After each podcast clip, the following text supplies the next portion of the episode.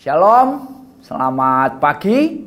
Kita berjumpa kembali di dalam kebenaran firman Tuhan. Mari kita berdoa. Bapak kami mengucap syukur buat pagi hari yang luar biasa. Engkau mengasihi kami, Engkau memberkati kami, dan Engkau memberikan kebenaran dalam hidup kami. Doa kami di dalam nama Tuhan Yesus. Biar kebenaranmu Tuhan menjadikan kami semakin rindu mengalami pribadimu yang luar biasa. Terima kasih Papa Roh Kudus urapi kami, tolong kami pagi hari ini di dalam kami mendengar firman Tuhan. Dalam nama Tuhan Yesus. Amin. Uh, pagi hari ini saya rindu membagikan apa yang pernah saya bagikan saudaraku ya karena beberapa hari ini uh, secara pribadi firman ini terus berbicara di dalam hidup saya. Mari kita buka di dalam satu Samuel pasal 3. Saudara pasti sudah sering mendengarkan kebenaran firman ini. Satu ayat saja dikatakan demikian. Samuel yang muda itu menjadi pelayan Tuhan di bawah pengawasan Eli.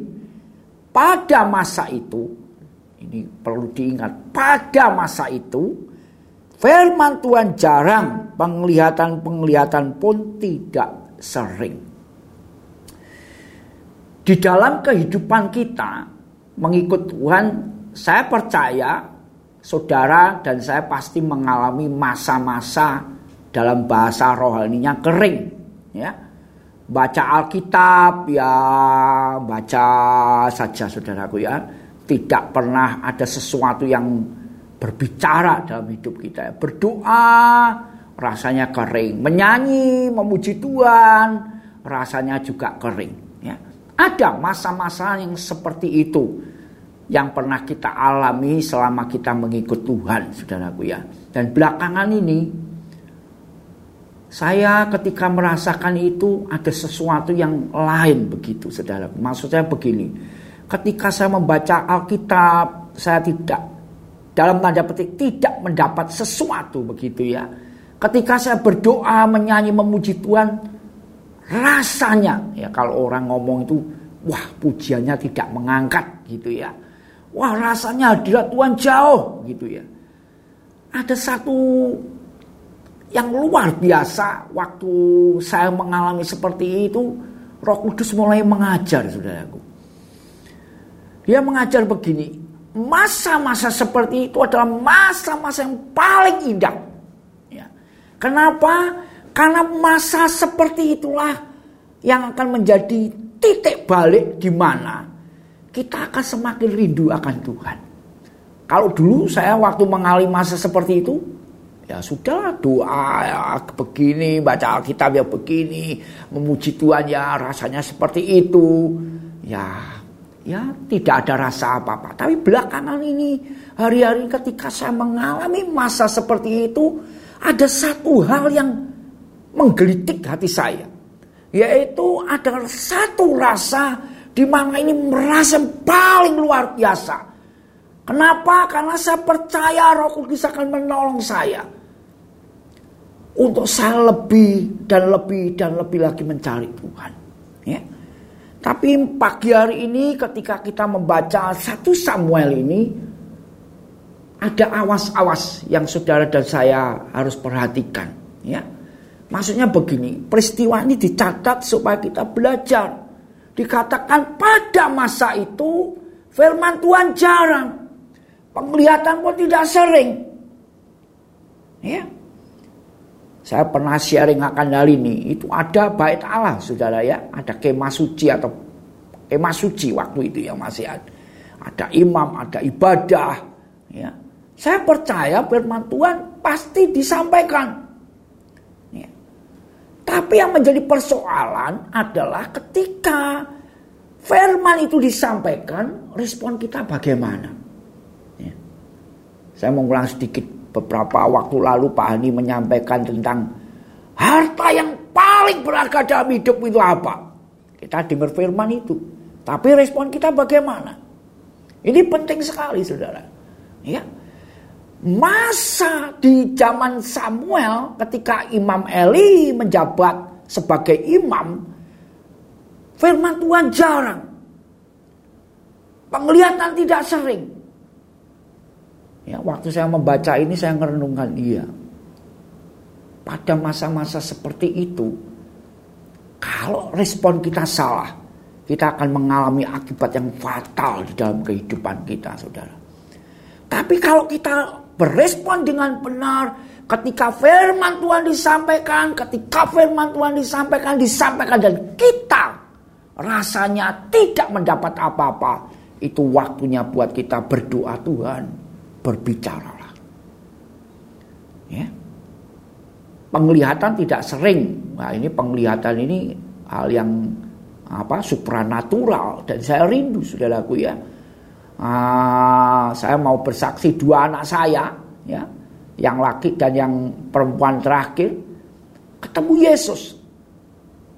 Ya, waktu anak saya Musa itu ketemu Yesus, dia bercerita dia dibawa ke rumahnya Tuhan Yesus. Wah, rumahnya bagus banget, Pi.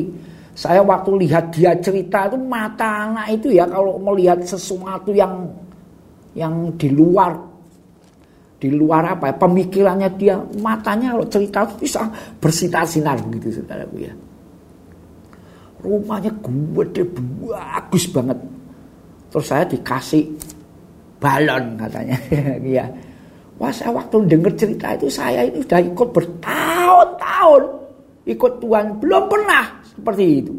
Jadi saya pengen Tuhan kapan aku buat diajak ke rumahmu tuh Tuhan. Ya.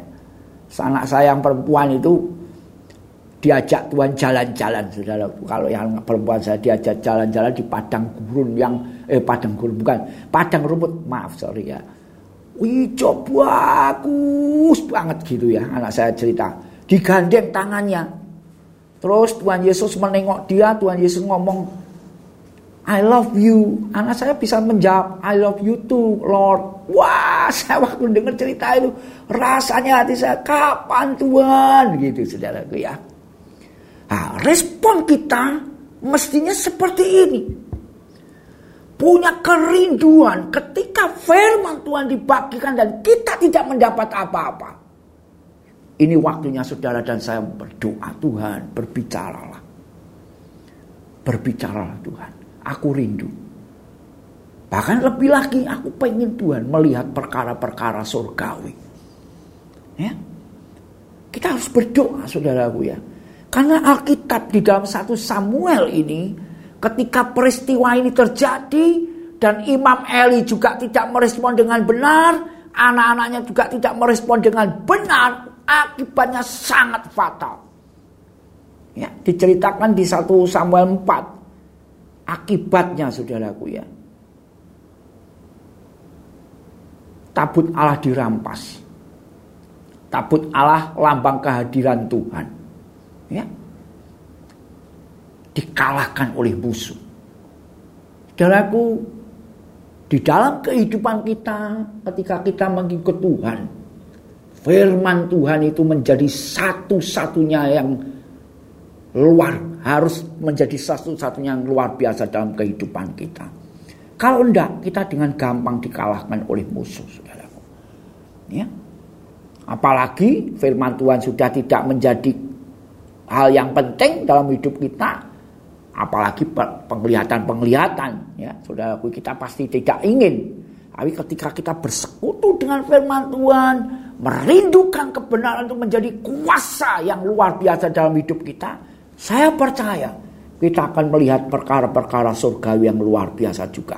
Dan itu benar-benar kedua perkara ini kalau terjadi dalam kehidupan kita. Saya percaya kehadiran Tuhan itu semakin nyata, real dalam kehidupan kita. Dan kita akan semakin rindu ketemu Tuhan. Kerinduan kita bertemu Tuhan kita akan menghadapi hal-hal di dalam kehidupan kita ini dengan sukacita. Jadi pagi hari ini saya membagikan ini karena Tuhan berbicara terus. Ada memang masa-masa yang harus kita lalui di mana kita dengar firman rasanya ham, hampa ya, hambar. Apa itu ya? Ya, kalau sudah seperti ini, ini masanya kita untuk berdoa sungguh-sungguh. Supaya apa? Supaya kemuliaan Tuhan dinyatakan kembali dalam kehidupan kita lewat kebenarannya. Amin. Mari kita berdoa.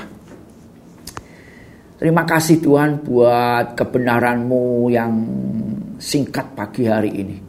Kami sungguh rindu ketika kami mengalami masa-masa di mana firman Tuhan jarang atau arti yang lebih sederhana kami membaca Alkitab, kami mendengar khotbah, tapi rasanya seperti kami tidak mendengar apa-apa, tidak merasakan apa-apa.